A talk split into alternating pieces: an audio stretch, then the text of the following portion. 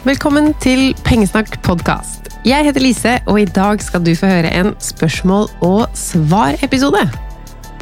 Og det første spørsmålet jeg skal svare på, det gjelder renter og forbrukslån. For lån er jo ikke lån. Det er uh, ulike betingelser på lån. Og da handler jo det mest av alt om hva lånet skal brukes til. Men også hva slags sikkerhet du har. Det billigste lånet, og når man snakker om billig når det gjelder lån, da, så er det lav rente. For det er store forskjeller på renta. Tenk deg hvis du skal låne 100 000 kroner, og du har en rente som er 2% Hvis du låner de 100 000 til en 2% årlig rente, eh, si at du betaler det tilbake etter et år, da. Da må du betale tilbake de 100 000 som du har lånt, så klart, men også 2000 kroner i renter. Hvis du heller tar opp det samme lånet i en annen bank, altså 100 000 kroner, men i den banken så er det 20% rente. Da må du etter et år betale tilbake de 100 000 og 20 000 kroner i renter. Det er jo veldig stor forskjell på 2000 kroner og 20 000 kroner for å låne 100 000 i et år. De billigste lånene som fins, altså lavest rente, det er boliglån og studielån. Historisk har studielån vært litt under boliglån, men eh, nå er de ganske like. Studielån er jo da lånekasselån, og i Lånekassa så får alle studenter samme rente ja, man kan binde renta og sånn, det er ikke det vi skal snakke om nå. Eh, men når du får innvilga lån, når du tar opp eh, studielån i Lånekassa, de ser ikke på hva du eier, eller hvor mye du tjener nå, eller hvor mye du skal tjene i framtiden. De ser ikke på noen ting. Altså hvis du skal studere, så kan du få lån. Som jo er bra. Boliglånet er litt annerledes. Der ser de på mange ting. De ser på hele økonomien din, altså inntekten din. De ser på hva du skal kjøpe. Hvis du skal kjøpe en bolig, så må du ha spart en del selv. Hvis du skal kjøpe en bolig som koster tre millioner, så kan du ikke låne tre millioner.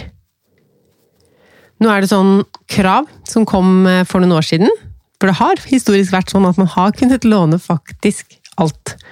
Men nå må du ha spart 15 eller spart eller skaffa på en annen måte, 15% av kjøpesummen. Og så kan du låne resten, hvis resten ikke er mer enn fem ganger så mye som du tjener.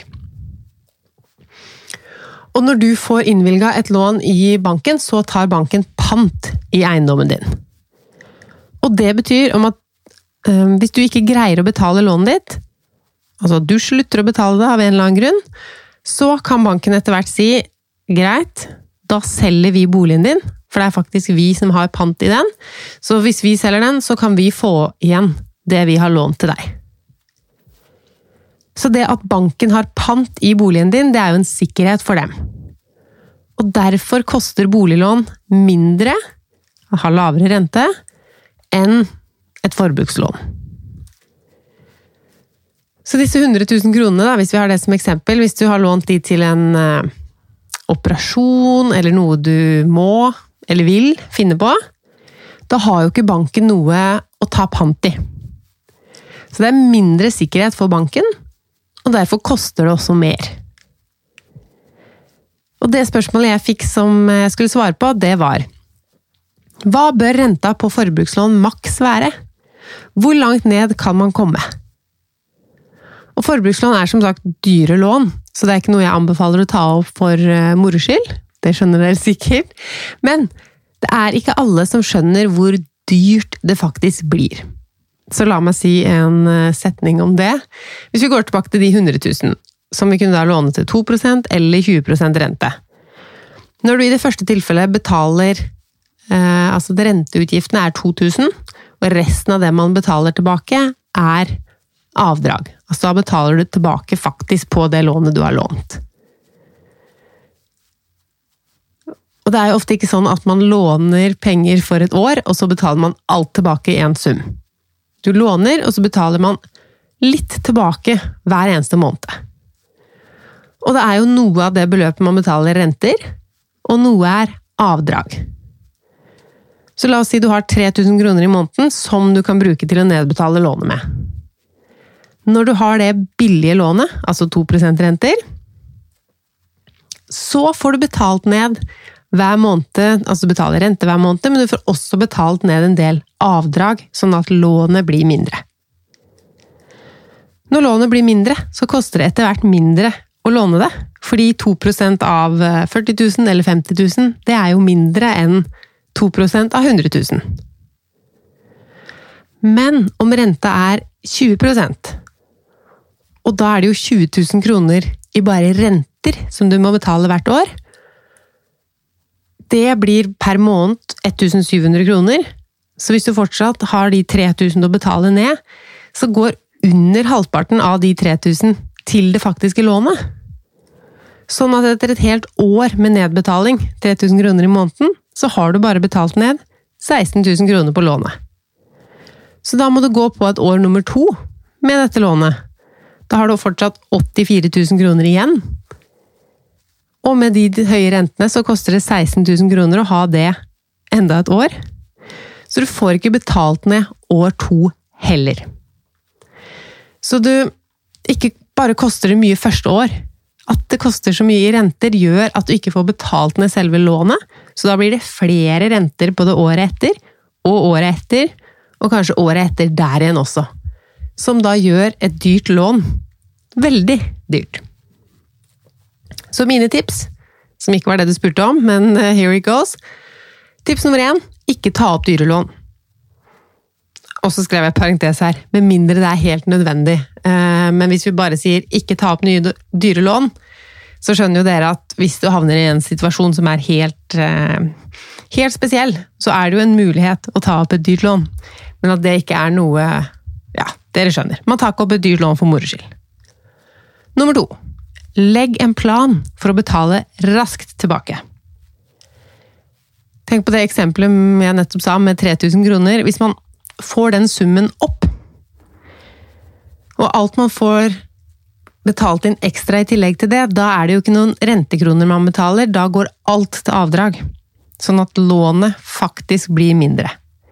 Og det gjør jo at du sparer renter, og så går det raskere før man Eh, betaler eh, Får betalt ned hele lånet, som jo er målet. Og punkt nummer tre er jo faktisk det du spurte om. Hvordan få lavest mulig rente. For det er viktig. Hvis du først har tatt opp et nytt lån, du har en plan for å betale raskt tilbake, men med en lavest mulig rente, så går det jo raskere å betale det tilbake. For å få til det, så går du inn på finansportalen.no det er Forbrukerrådet sin nettside. Og der på forsiden så kan du trykke på en knapp som heter forbrukslån. Og da jeg gjorde dette søket, så fant jeg da renter mellom 9,64 og 21,08. Altså, hvis du skal låne de 100 000 kronene, så kan du velge å betale 9640 kroner for det. Eller du kan betale 21 080 kroner for det. Så det er jo en veldig stor forskjell. Så moralen i historien er det er dyrt med forbrukslån, men det kan også være megadyrt. Så sjekk opp rentene. Det er store forskjeller, og det har mye å si. Neste spørsmål handler om mat. Vi er seks stykker i familien. Vi har et matbudsjett på 1500 kroner i uka. De siste seks månedene har dette ofte sprukket, og vi er nå nærmere 2000 og 2500. Hva gjør vi feil? Hva slags middager kan du anbefale for å få prisen ned? Nå skal jo ikke jeg skryte på meg at jeg er verdens beste på matbudsjett. I år så har vi brukt i snitt 4540 kroner per måned. Regna på det i dag, men eh, mars er ikke helt, helt ferdig ennå heller. Jeg anbefaler å kikke på noe som heter referansebudsjettet. Det er Statens institutt for forbruksforskning som har et sånt referansebudsjett. Og det går ikke bare på mat, men det går på Altså, du legger inn familien din, familiemedlemmene, hvor eh, gamle de er, og hvilket kjønn. Og så kommer det ut et budsjett på alle typer poster. Og en av de er jo mat og drikke. Og den summen som står der for din familie eller for deg som person, den ble oppdatert i fjor. Nå har de tatt hensyn til helsemyndighetenes anbefaling på hva vi skal spise. Det har vært ernæringseksperter inne. De har også hatt fokusgrupper, altså vanlige folk som har kommentert på den summen som har vært før. For det har jo vært en lav sum. Og det er litt greia med det budsjettet her òg. Det er ikke et gjennomsnitt, eller det er ikke det du burde klare deg på, men det er et budsjett du skal kunne klare deg greit på. Det er ikke tatt med at du kan dra på restaurant, f.eks. i matbudsjettet. Men mat ble også litt dyrere i fjor. Så pga. de endringene deres, og at maten ble dyrere, så ble beløpene plutselig en del høyere i den kalkulatoren. Så når jeg nå legger inn vår familie, da tar jeg med summen både for mat og drikke og det som heter andre dagligvarer. For det er jo ting man kjøper på butikken. Hvis jeg kjøper vaskemiddel, dopapir eller noe som ikke skal spises, så eh, jeg, trekker jeg jo ikke det ut når jeg ser på um, hvor mye jeg har brukt på matbutikk. Så vi tar liksom det sammen. Da lander jeg på over 8000 kroner for vår familie. Så vi bruker jo ganske langt under det. Og for dere som har fire barn Nå vet jeg ikke hvor store barn er, så jeg bare la inn litt forskjellig alder på fire barn. Og da havna jeg på over 12 000 kroner.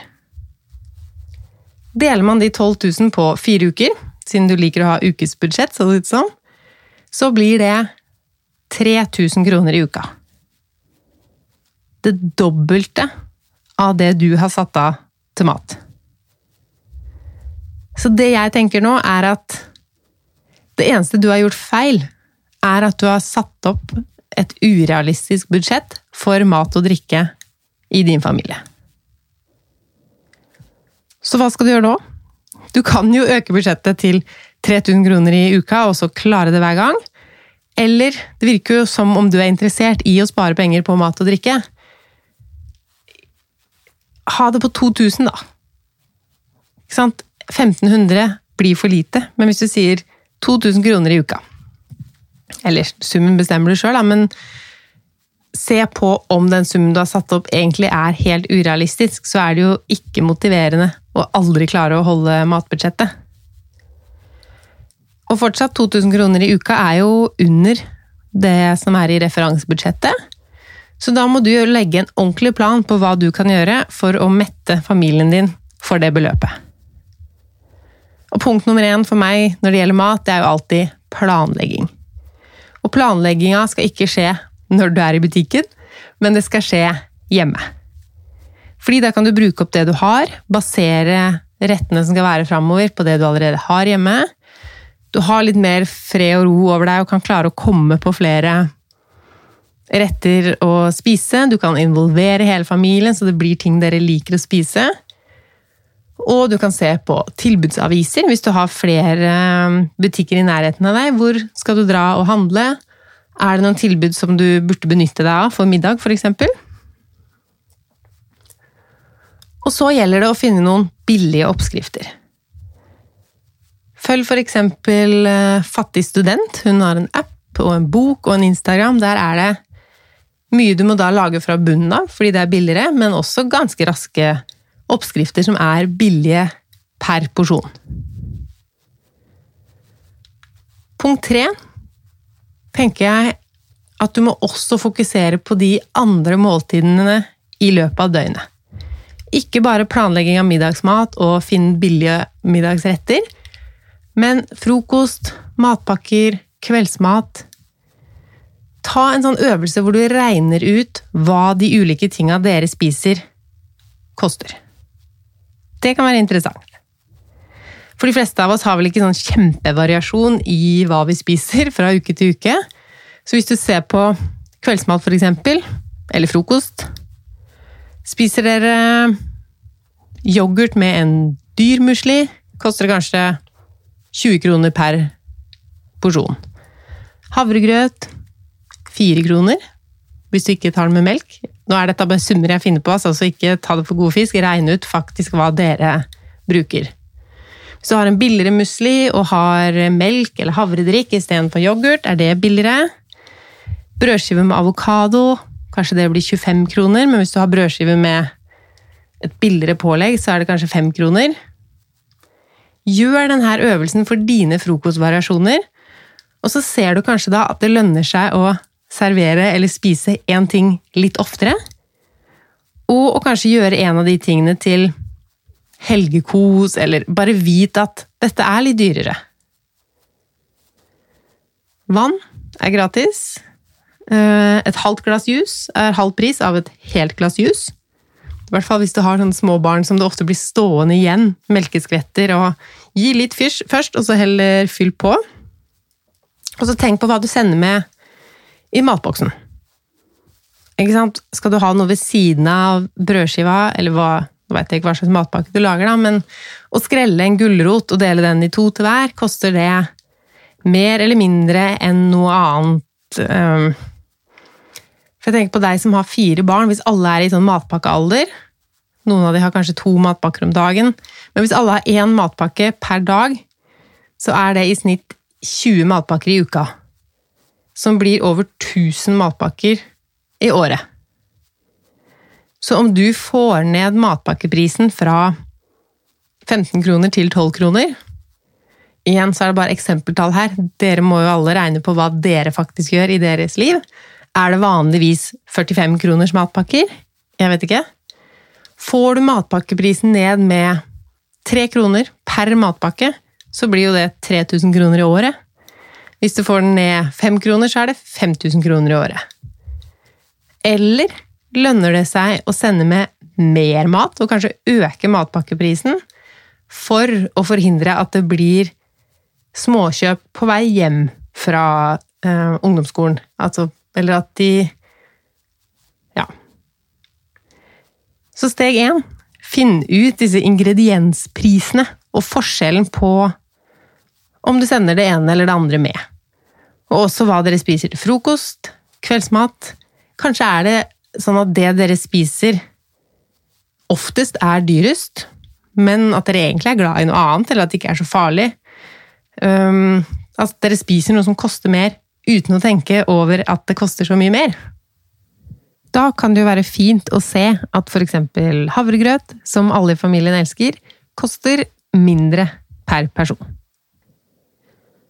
Og et siste sånn poeng med mat, da.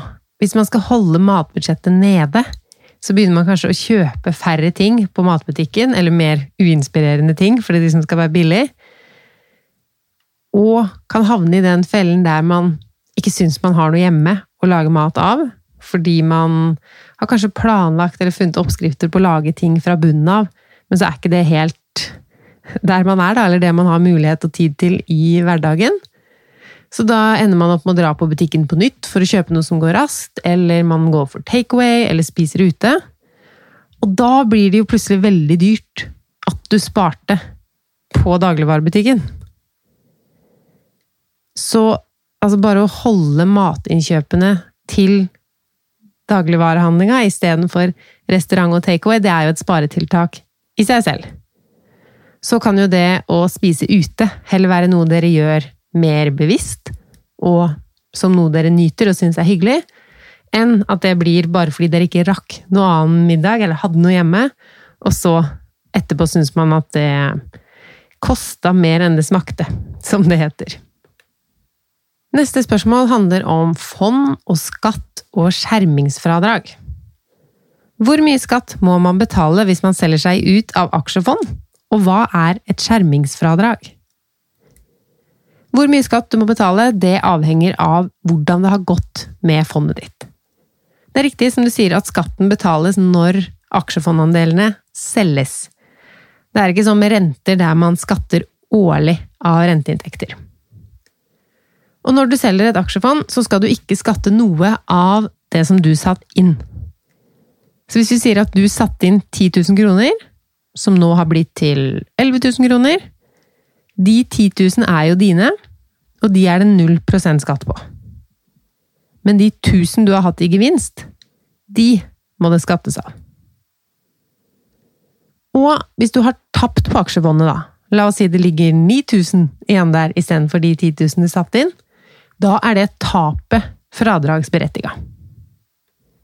Men siden du spør om skatt på gevinst, det blir som skatt på kapitalinntekt, er det det det heter? Skattesatsen er i hvert fall 22% Men så er det sånn at skattegrunnlaget, altså de 1000 kronene, de må ganges med 1,44. Så derfor blir det ikke 22% av 1000. Det blir 22% av 1440. Så prosentskatt blir faktisk 31, et eller annet. Så er det i tillegg noe som heter skjermingsfradrag. Og det betyr at noe av gevinsten din er skattefri. Så opp til det som heter skjermingsrenta, så skal ikke du skatte. Og grunnen til at det er sånn, det har faktisk med alternativkostnaden å gjøre, som, i, som jeg snakka om i den episoden som heter ja, et eller annet med brødbaking. Det du hadde tjent på å ha pengene dine i banken istedenfor å investere dem, skatter du ikke av. Altså er skjermingsfradraget der for at du ikke skal tenke jo, men jeg får jo litt renter i banken òg. Nei, det samme skal du få i fond, uten å skatte av dem på gevinsten din. Dette lærte jeg meg tidligere i dag, altså, så ta alt jeg sier med en klype salt. Kanskje er det noe som jeg ikke helt har forstått, men dette er i hvert fall det jeg har eh, googla meg til i formiddag. I fjor så var den renta, skjermingsrenta, 0,6 Men hvis du ser for 2018 og 2019, så var den renta høyere, fordi da bankrenter og sånn var høyere. Og det utgangspunktet blir jo tatt et eller annet sted fra en rente som er det året. Så hvis vi er tilbake, tilbake i eksempelet vårt, da, de 11 000 kronene som var i fondet 10 000 var satt inn, 1000 var gevinst. Hvis vi ganger de 11 000 med 0,6% som var skjermingsrenta fra i fjor, det gir 66 kroner i skjermingsfradrag. Så da er det bare 934 kroner som skal ganges med 1,44 og skattes 22% av. Så det blir 296 kroner i skatt. Så er det noen presiseringer, fordi du får ikke skjermingsfradraget for i år hvis du selger i år. Men i fjor Det du hadde på tidspunktet ved 31.12., eller du må ha hatt de der da, men mengden kroner blir beregna fra da du hadde mest der, eller når du satte inn denne, Det får jeg lese litt mer på. Jeg skal skrive et blogginnlegg om dette òg, så helt fasiten skal du finne inn på pengesnakk.no snart. Men det som er bra med det skjermingsfradraget, er at du kan regne det ut for i fjor, og hvis du har eid dette fondet lengre, året før, og året før, og året før. Så du får ganske mange sånne skjermingsfradrag som du kan plusse på hverandre hvis du har eid aksjen eller aksjefondet i flere år. Og dette her finnes det så klart en kalkulator for, den veit jo hvilke sånne skjermingsrenter som har vært bakover i tid. Kalkulatoren ligger på skatteetaten.no, og jeg linker også til den fra det blogginnlegget jeg skriver om dette her med skjermingsfradrag og skatt på aksjefond. Men du har kanskje hørt om ASK, ASK, aksjesparekonto. Det var masse snakk om det da den kom med sine nye regler. Greia med aksjesparekonto er at den er en konto. Altså når noen sier at jeg investerer i sånn aksjesparekonto, og så lurer de på om de kanskje bør investere i noen fond også, da må vi ta et skritt tilbake. Fordi asken din, eller aksjesparekontoen din, det er bare kontoen som du gjør investeringene dine fra, eller i. Så det er to måter. Enten kan jeg investere i et fond rett fra brukskontoen min, kjøpe fondsandeler, eller jeg kan sette den, la oss si det er 1000 kroner jeg skal investere, inn på aksjesparekontoen og investere i fondet der inne. Så du kan se på det som et hus for dine aksjer og aksjefond. Du kan ikke ha rentefond inni her, og heller ikke aksjer eller aksjefond hvis de hører til utenfor EØS. Fordelen med å gå den omveien, eller å gjøre de investeringene inni huset, hvis jeg skal fortsette med huset, da. Tenk på alle aksjer og aksjefond som ulike rom i huset. Hvis du bestemmer deg for å selge deg ut av et fond du har, si at du har et fond som heter Miljøinvest. Der satte du inn 10 000 kroner, som nå har blitt til 15 000 kroner. Når du tar de ut av rommet, så skjer det ingenting med skatten.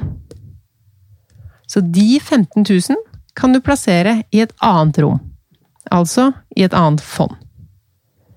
Men hvis du tar de ut av selve huset også, altså at du ikke bare selger deg ut av rommet, fondet, men også ut av aksjesparekontoen, da har du realisert gevinst, som det heter, og da er tiden inne for å skatte av den gevinsten. Så det som er så bra med aksjesparekontoen, er at du kan reinvestere, altså flytte pengene dine fra rom til rom, så mye du vil, uten å skatte. Og det er jo bra, fordi når vi utsetter skatten, så setter det mer fart på rentes renteeffekten, som vi snakka om for ikke så mange episoder siden, istedenfor om vi tenkte at du solgte deg ut av fondet. Det var de 15 000 kronene. Skatta med en gang. Og så fikk du lyst til å investere i et uh, helsefond, teknologifond, hva som helst annet.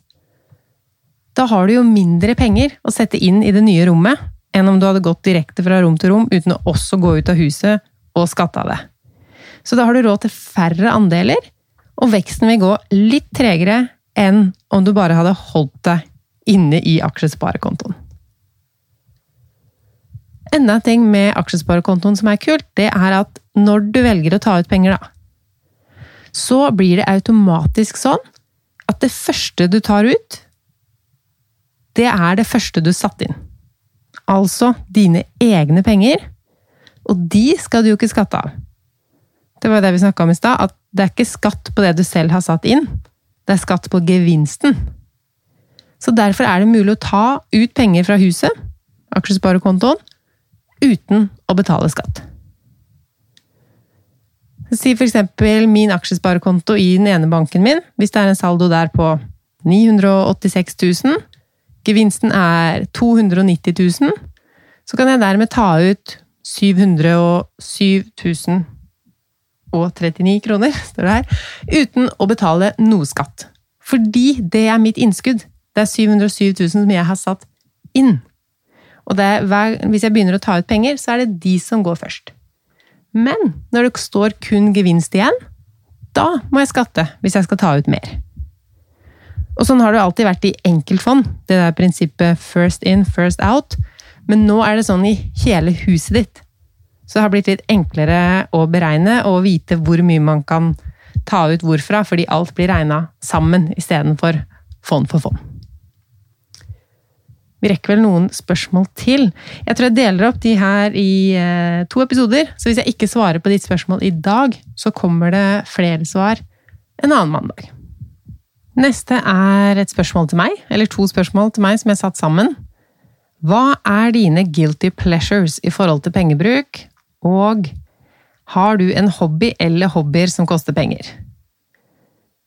Sorry, for det første så gidder jeg ikke å føle meg skyldig for penger jeg har brukt. Altså, det leder jo til ingenting bra. Og jeg kan jo bruke pengene mine på det jeg vil bruke dem på.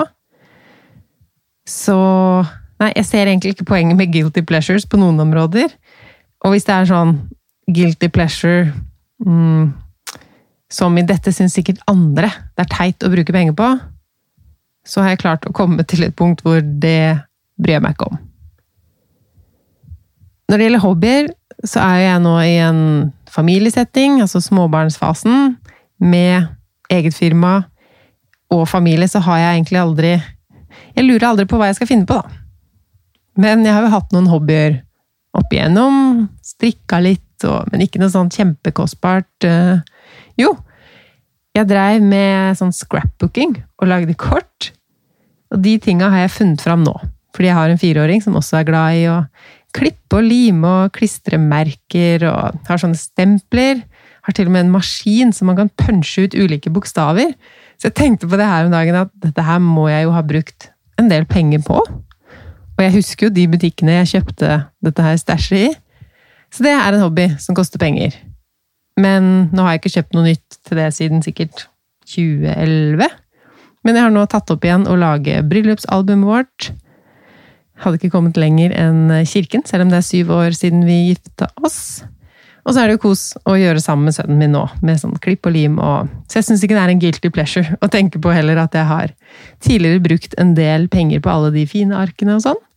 Vi har jo glede av det nå, til og med. Hvis jeg skulle ha brukt penger på en hobby nå Jeg tok jo et sånt yogakurs i 2018 eller 2019. I fjor kjøpte jeg årskort i svømmehallen. Det, det var bortkasta penger. For det var jo mest stengt. Um, men jeg er nok heldig. Altså, jeg trives med å være hjemme og gjøre ting som er gratis. Spille spill. Ticket to Ride, et sånt togspill, det har vi kjøpt siste, løpet av siste året. Det spiller vi jo mye òg, så det er jo heller ikke noe guilty pleasure, men det har jeg brukt penger på. Um, ja. Nå ligger det også et uh, blogginnlegg på pengesnakk.no om gratis aktiviteter. Alle mulige ting som du kan gjøre både ute og inne, som ikke koster noe. Så sjekk ut det hvis du vil ha det gøy og kos uten å bruke penger. Det er følgerne på Instagram som har kommet med disse tipsene. Og veldig mange av de er beregna på barnefamilien, ser det ut som. Men det er også masse tips for voksne i den lista. Neste spørsmål. Hva bør jeg spare til for å ha en god økonomi etter studiene? Det her likte jeg så godt. For her har vi altså en student som ikke tenker sånn at når jeg kommer i jobb, da har jeg masse penger. Da kan jeg spare, og ja, hva skal jeg gjøre med alle de pengene jeg kommer til å tjene nå? Hun her, eller han, var det en hun? Ja. Hun vil spare nå, mens hun er student med Jeg regner med det er lav inntekt, da. At hun har kanskje lånekassestipend og lån, kanskje noen ekstra inntekter, men hun vil spare av den lave inntekten til en tilværelse hvor det mest sannsynlig kommer til å komme inn mye mer penger. Så skal du ha en god økonomi etter studiene, så handler det jo først og fremst om å finne en balanse mellom inn og ut. Men jeg tror ikke hun her Altså, hun skal spare fra studietilværelsen til jobbetilværelsen. Jeg tror ikke hun her kommer til å havne i noe luksusfelle, akkurat. Hva ville jeg gjort? Uansett om du fører budsjett eller ikke, så ville jeg tenkt igjennom litt den nye økonomien din som poster i et budsjett. For én ting er jo den litt sånn større økonomien, altså vi sparer, vi vil spare mye til å investere, eller vi vil ha um, Spare til egenkapital til bolig, vi vil spare til ferie, vi vil spare til en stor bufferkonto og liksom muligheter for framtida. Men den økonomien som vi ser mest til, da, altså fra måned til måned, den eh, Ja, det er den jeg tenker på nå. Og den første posten i et sånt budsjett, eller i den månedlige økonomien, det er jo inntekt. Du skal skaffe deg en inntekt. Og siden du spør meg, så svarer jeg det vil jeg si er det viktigste for deg å prioritere nå. Og det er jo ikke alltid så lett å få en relevant jobb innen det du har studert, så da vil mitt råd være å prøve noe annet. Noe midlertidig. Det å ha jobbsøking som jobb i en periode, det har ikke jeg personlig sånn kjempetro på. Det kan hende du må gjennom veldig mange søknader, mange avslag, og da er det fint å ha noe vanlig å gå til. En jobb. Et eller annet som du mestrer. Da slipper du å la de jobbsøkingsnederlaga være det, liksom det største som skjer i livet ditt. Da har du jo også en inntekt, så du slipper at den jobbsøkerperioden også blir en økonomisk byrde. For det er mange andre som søker jobb, og hver gang en jobb blir utlyst, så er det bare én stilling. Så det her kan ta tid. Um, du kan jo velge selv om du vil høre på meg eller ikke, da. Men jeg ville tatt en hvilken som helst jobb om jeg raskt hadde sett at det kan ta litt tid. Og etter hvert så ser det heller ikke så kult ut at du har vært jobbsøker over tid. Da er det bedre å ha gjort noe, tenker jeg, ved siden av jobbsøkinga.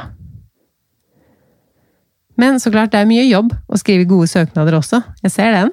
Eh, men jeg tenker at det å være jobbsøker er jo heller ikke noe kul tilværelse hvis det er bare det du er.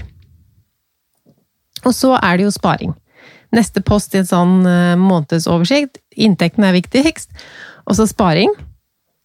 Hvor mye skal du spare?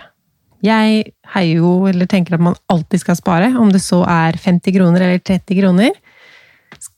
Setter du opp budsjett, så skal sparing være i budsjettet ditt. Når det gjelder utgifter, så er den største utgiften for de aller fleste bolig. Hvor mye skal du betale hver måned for å bo? Skal du bo sammen med noen? Skal du bo alene? Skal du kjøpe leilighet? Skal du leie en leilighet? Er det utgifter til strøm, internett, alle sånne faste utgifter som er knytta opp mot det å bo? Bo blir er en av de virkelig store utgiftspostene, så tenk bredt nå når du har alle muligheter. Hvis det er sånn at det er egenkapital til egen bolig du sparer til, tenk på hvor mye det har å si hvis du fortsetter å bo som en student bare et år eller to år til. Hvis du må oppgradere nå til en bolig som det koster dobbelt så mye i måneden å bo i, så vil det jo gå mye saktere med sparing og sånn, selv om du forhåpentligvis har en mye høyere inntekt også. Så ta bevisste valg på alt du gjør nå. Men som sagt, det viktigste er jo å skaffe den inntekten. Når det gjelder å spare til noe, så tenker jeg jo, hvis du skal flytte til en annen by eller flytte til et annet sted, så kan det jo være at du trenger et depositum. Kanskje har du nå bodd på en hybel hvor det ikke er noe depositum, eller et lite depositum, og så skal du leie et dyrere sted, og må ha tre måneders husleie i depositum. Der fant jeg faktisk en sum som man må tenke på det siste året som student. Mange vil kanskje nyte den siste sommerferien der, men tenk på at det kan bli en stor utgift når du flytter videre, om du flytter videre. At uh, du må ha en plan for det depositumet der. Hva annet må du tenke på? Tenk på det med livsstilsinflasjon, som jeg snakka om i forrige episode. Og så, en siste viktig ting. Finn ut hvilke forsikringer du trenger. Det kan faktisk være de viktigste summene du bruker nå, nå som du er ung, på vei ut i arbeidslivet. Sikre deg Altså, du kan ikke sikre deg mot å bli ufør, men du kan sikre deg økonomisk. Det ville jeg ikke spart på i den livsfasen du er nå. Lykke til! Nyt siste tiden av eh, studietida. Ikke tenk på at det er så mye å spare til, men eh, fokuser på det å skaffe jobb, og om du må ha et depositum hvis du skal flytte. Siste spørsmålet jeg tar i dag. Hvordan være fornøyd med det man har av ting som koster penger i hverdagen? Det spørsmålet følte jeg at jeg hadde svart på før, så jeg har scrolla litt og fant episode 22 av Pengesnakk podkast. Den heter 'Hvordan bli fornøyd med det man har'. Så hvis du vil ha mer pengesnakk i dag, så kan du scrolle deg helt tilbake til episode 22. Uansett, ha en god uke.